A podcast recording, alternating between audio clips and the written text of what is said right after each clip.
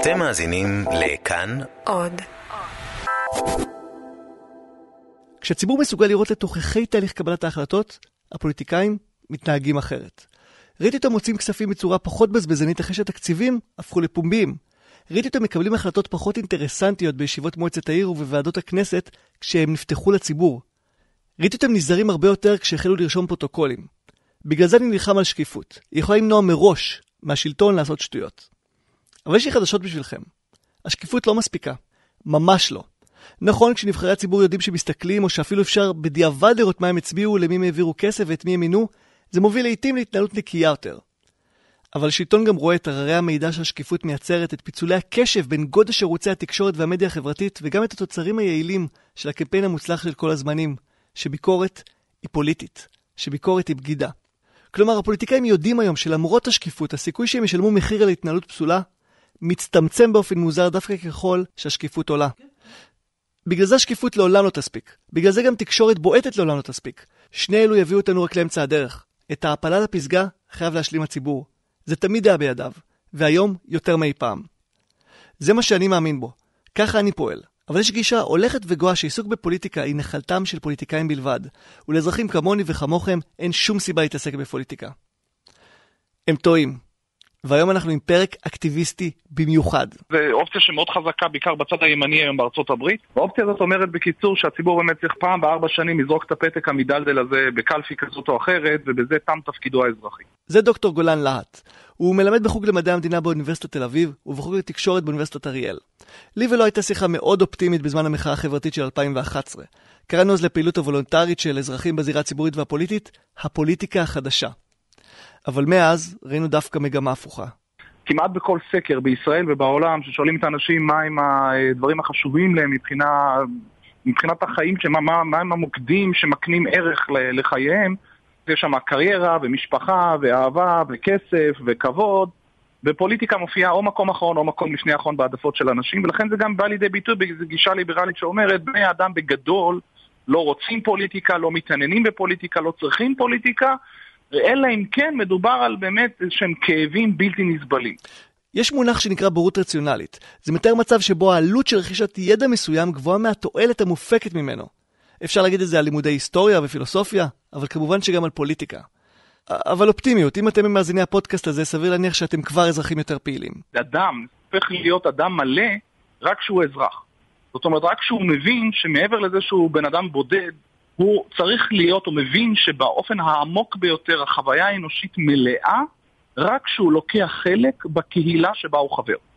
ולכן הוא צריך לצמוח, ממש לעלות, לעשות איזו טרנספורמציה ממצב של אה, אזרח רגיל, אגואיסט, שעסוק בדלת אמותיו ובאינטרסים הפרטיקולריים הקטנים שלו והיומיומיים, לבן אדם שיוצא מזה, בין אם זה פעם בשבוע, פעם ביום, פעם בחודש, לא משנה, אבל מדי פעם הוא מצליח להתרומם ולהבין שהוא חבר קהילה. אז שלום לכם חברי קהילת הפודקאסט המדריך לדמוקרטיה עם תומר אביטל, אני הבחור מהכותרת של הפודקאסט, והפעם כיף כפול.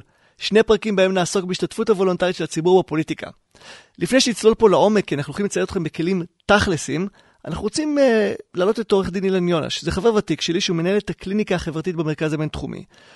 ואני רוצה לשאול אותו, האם בכלל צריך להתערב בפוליטיקה? גופים שפועלים לשקיפות, לביקורת, למחאה, לשינוי מדיניות, בתוך דמוקרטיה, לא רק זה שהם לא פוגעים בדמוקרטיה, הם הדמוקרטיה.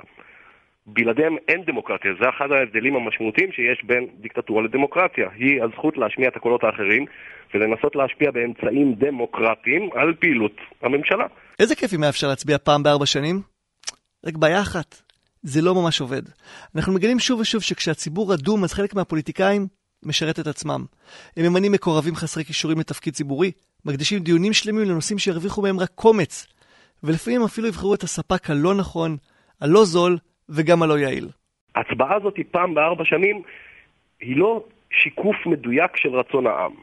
וזה הדבר השני שצריך להבין. זאת אומרת, יש פה איזושהי תמונה רחבה, שאתה, מה שאתה מצביע, אתה לא אומר, קחו, רק קחו את המנדט. אתה לא משחרר את עצמך לגמרי מהשלטון. אתה עדיין נשאר חלק, אתה, הרי בדמוקרטיה הישראלית הריבון הוא העם.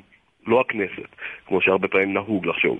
זאת אומרת, אנחנו עדיין הבוס פה. ואיך אפשר להעביר לחבר'ה בירושלים שאנחנו הבוס? בפרק הזה אנחנו נסביר לכם איך אתם יכולים להיות חלק מהידיים הארוכות של הארגונים שתבחרו להתחבר אליהם, וככה תוכלו להזכיר לפוליטיקאים בקביעות מי הבוס.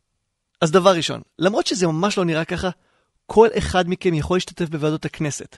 אפשר לעקוב אחרי חברי כנסת, אפשר להנגיש מהלפטופ מאגרי מידע ממשלתיים. היום מספיקה לעיתים כמות מטורפת של לייקים מהסמארטפון כדי לחולל שינוי. כך קרה לאחרונה במחאת נוער אדמות האמריקני. זה אותו נוער שחזה בין ספור מקרי טבח בבתי ספר של ארה"ב. הם הצליחו כנגד כל הסיכויים ועם מספיק לייקים להעביר חוקים שיקשו לרכישת נשק בפלורידה. וזה קורה לא מעט גם פה. בקיצור, יש מיליון ואחת דרכים להשפיע מבלי לזוז מהכורסה. אנחנו נסביר את הכל בבהירות ובתמצות. פרק שכולו 100% אקטיביזם שלטוני לקידום איזו אידיאולוגיה שאתם רוצים. אם זה עידוד בנייה בהתנחלויות או עצירה של גירוש יוצאי אפריקה. הכלים פוליטיים, אבל לא מפלגתיים. יעלו ויבואו האקטיביסטים. אוקיי, אז נתחיל עם דרך אחת שהיא פשוטה מאוד, זולה מאוד, דורשת מינימום מאמץ, אבל יש לה השלכות אדירות. התפקדות. עכשיו, לא כל המפלגות מאפשרות את זה, רק uh, הליכוד, המחנה הציוני, הבית היהודי ומרץ. דיברנו על זה עם דן קלרמן מהליכודניקים החדשים. יש פריימריז, ובפריימריז הציבור הרחב לא מיוצג בכלל. 2% אה, מבעלי זכות הבחירה בעצם בוחרים פרסונלית 80% מחברי הכנסת. ואנחנו, אה, תקרא לזה מעמד הביניים, אבל לא רק, הציבור הרחב בכלל לא במשחק, אז לא פלא שכל מה שאנחנו מקבלים זה פופוליזם, בסוף אה, החוקים והתקנות וההחלטות משרתות אה, ציבורים אחרים. הם הבינו שמובילי אינטרסים כלכליים צרים כמו עובדי חברת חשמל ותעשייה אווירית, בעלי מספר מונית ואפילו אבות גרושים משתמשים בשיטת ההתפקדות כדי לקדם את האינטרסים שלהם. מאירי לקח על עצמו להקים את, ה, את, את, את מה שקורה בליכוד, הקים את הליכודניקים החדשים, התאגדה איזושהי קבוצה, בנינו...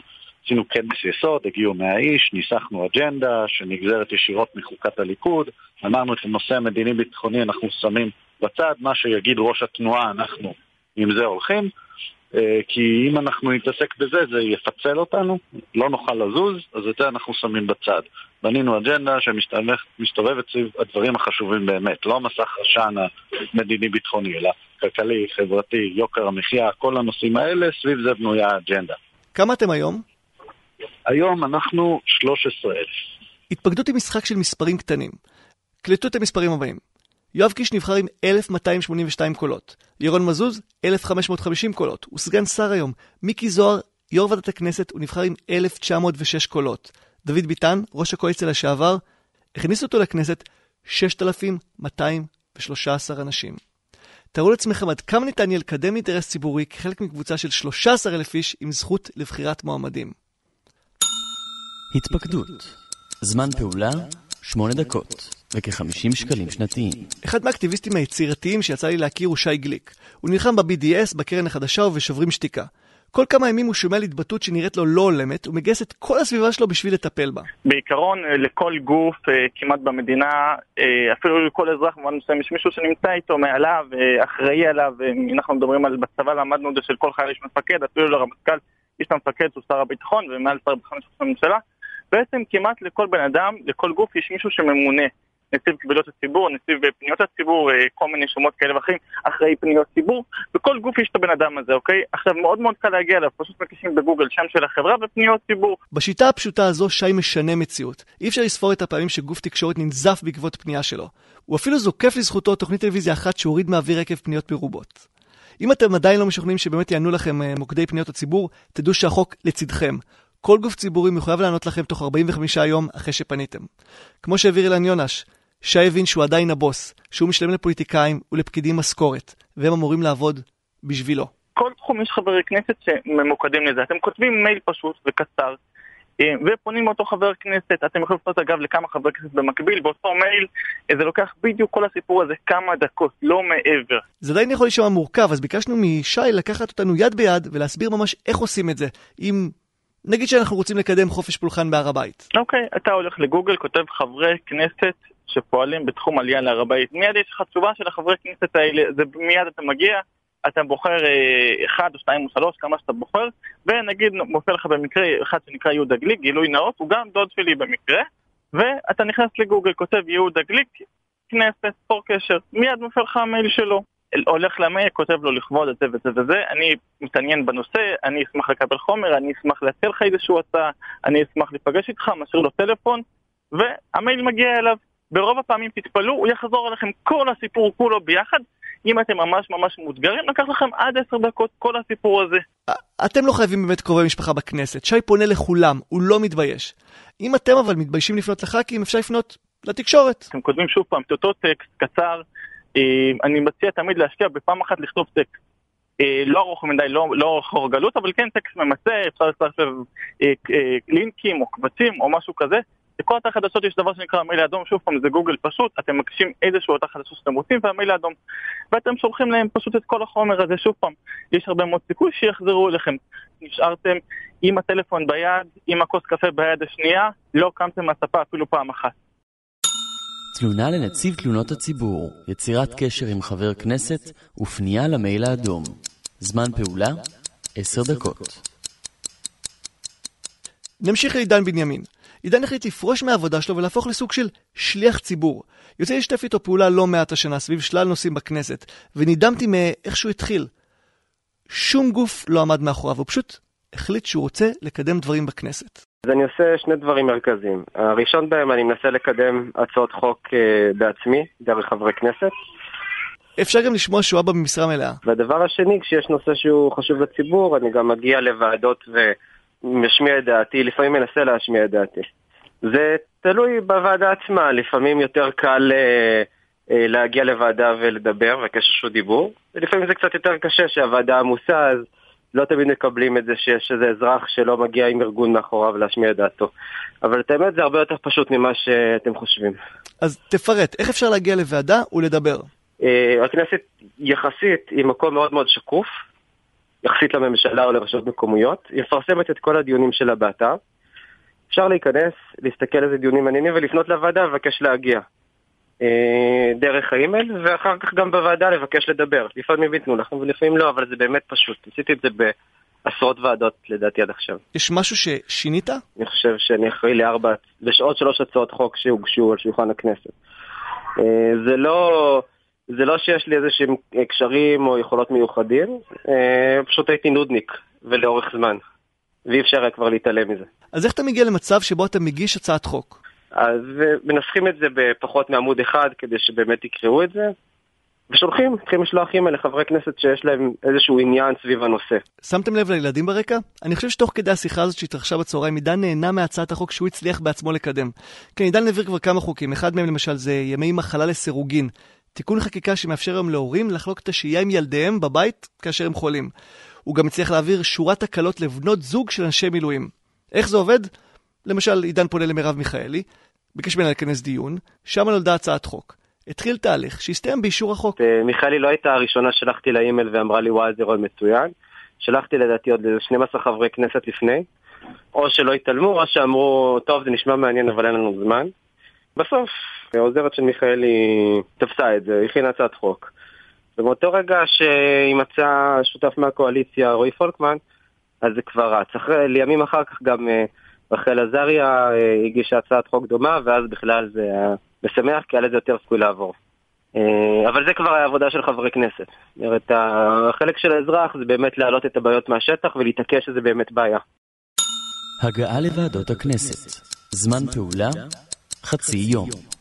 כמו משחק מחשב, אנחנו לאט לאט מעלים מדרגת הקושי ועוברים מאקטיביזם יומיומי שהלוואי שיותר אנשים היו עושים לאקטיביזם למיטיבי לכת. מצד שני, כמו כל דבר, ככל שתדמידו יותר, ככה תצליחו. אז עכשיו אנחנו נמשיך לאחד המאבקים המוצלחים שאיכשהו עבר מתחת לרדאר הציבורי. מאבק שנקרא מוציאים את הבנקים מהכיתות. יקיר אבוטבול ונתי מנועים בירנבוים הבילו אותו כחלק מתנועת ישראל 2050. ישראל 2050 היא תנועה חברתית-כלכלית שמעבירה תוכניות מנהיגות וגם מנהלת מאבקים אזרחיים בכל מיני תחומים. הנה נתי. באיזה שלב נודע אה, על תוכנית שבמסגרתה אה, הבנקים אמורים להיכנס לכיתות הלימוד, אה, כיתות ט', ולהעביר תכנים לתלמידים בכיתות האלה. ממש נציגי הבנקים, אה, הם היו אמורים להיכנס לכיתות. זה בדיוק באותה מידה כמו שאתה, במקום כשיש לך איזשהו בעיה בריאותית, אתה תיגש לנציג של חברת התרופות ולא לרופא שלך, שהוא גורם נטול אינטרסים. אנחנו מדברים פה על סיפורי גבורה אקטיביסטים, מורק של עשייה חברתית. ברור שבשביל לשנות תוכניות של גופים רבי השפעה כמו הבנקים צריך להשקיע הרבה זמן בלימוד, בלדבר את השפה שלהם, להבין כלכלה, להבין חינוך ולהכיר את הנפשות המעורבות. דבר ראשון זה ללמוד, באמת ללמוד את הנושא וללמוד מי השחקנים המרכזיים בו. זה, זה השלב הכי ראשון והכי בסיסי. אחרי זה יוצרים קשר באופן הכי, הכי פרקטי עם כל העוזרים הפרלמנטריים של uh, חברי כנסת שעלולים לתמוך uh, במה שאתם מנסים להוציא אל הפועל. בשאיפה אנחנו מנסים שזה לא, יהיה, לא יצבע באיזשהו צבע מפלגתי, אז אנחנו מנסים ליצור קשר עם כל הספקטרום. אה, ואז כבר קובעים פגישות, ואז כבר מגיעים לכנסת וממש מתחילים להיפגש עם חברי כנסת, לשאול אותם איך הם יכולים לעזור, לנסות לגייס אותם, או לחתום על איזשהו מכתב אה, שאליו יצטרפו כמה שיותר חברי כנסת ואחרי זה יוגש לשולחנו של שר החינוך, אה, או להזיז דברים דרך הכלים שיש להם, כמו הצעות חוק, או שאילת שאילתות. ומשם דברים מתחילים לזוז. וכמו בסיפורים או רק אקטיביסטים, נקודת המהפך מתחילה מחבר כנסת אחד שלוקח את הנושא ברצינות. חבר הכנסת אה, עומר בר-לב זימן דיון חריג, אה, דיון דחוף בנושא הזה בוועדת החינוך, ואני מאמין שזה בסוף, בסופו של דבר היווה איזשהו אה, פיבוט בתהליך שלנו, כי מיד אחרי זה כבר יצאה הודעה שהתוכנית הזאת מתבטלת, ושהפיילוט לא מתרחב שנה הבאה, ושהבנקים נסוגים בכלל מכל הסיפור הזה. הובלת קמפיין ציבורי זמן פעולה מלא זמן מלא מלא זמן. יש עוד המון ארגונים שהיינו רוצים לדבר עליהם, ופשוט לא היה לנו זמן. אחד מהם למשל זה אנו.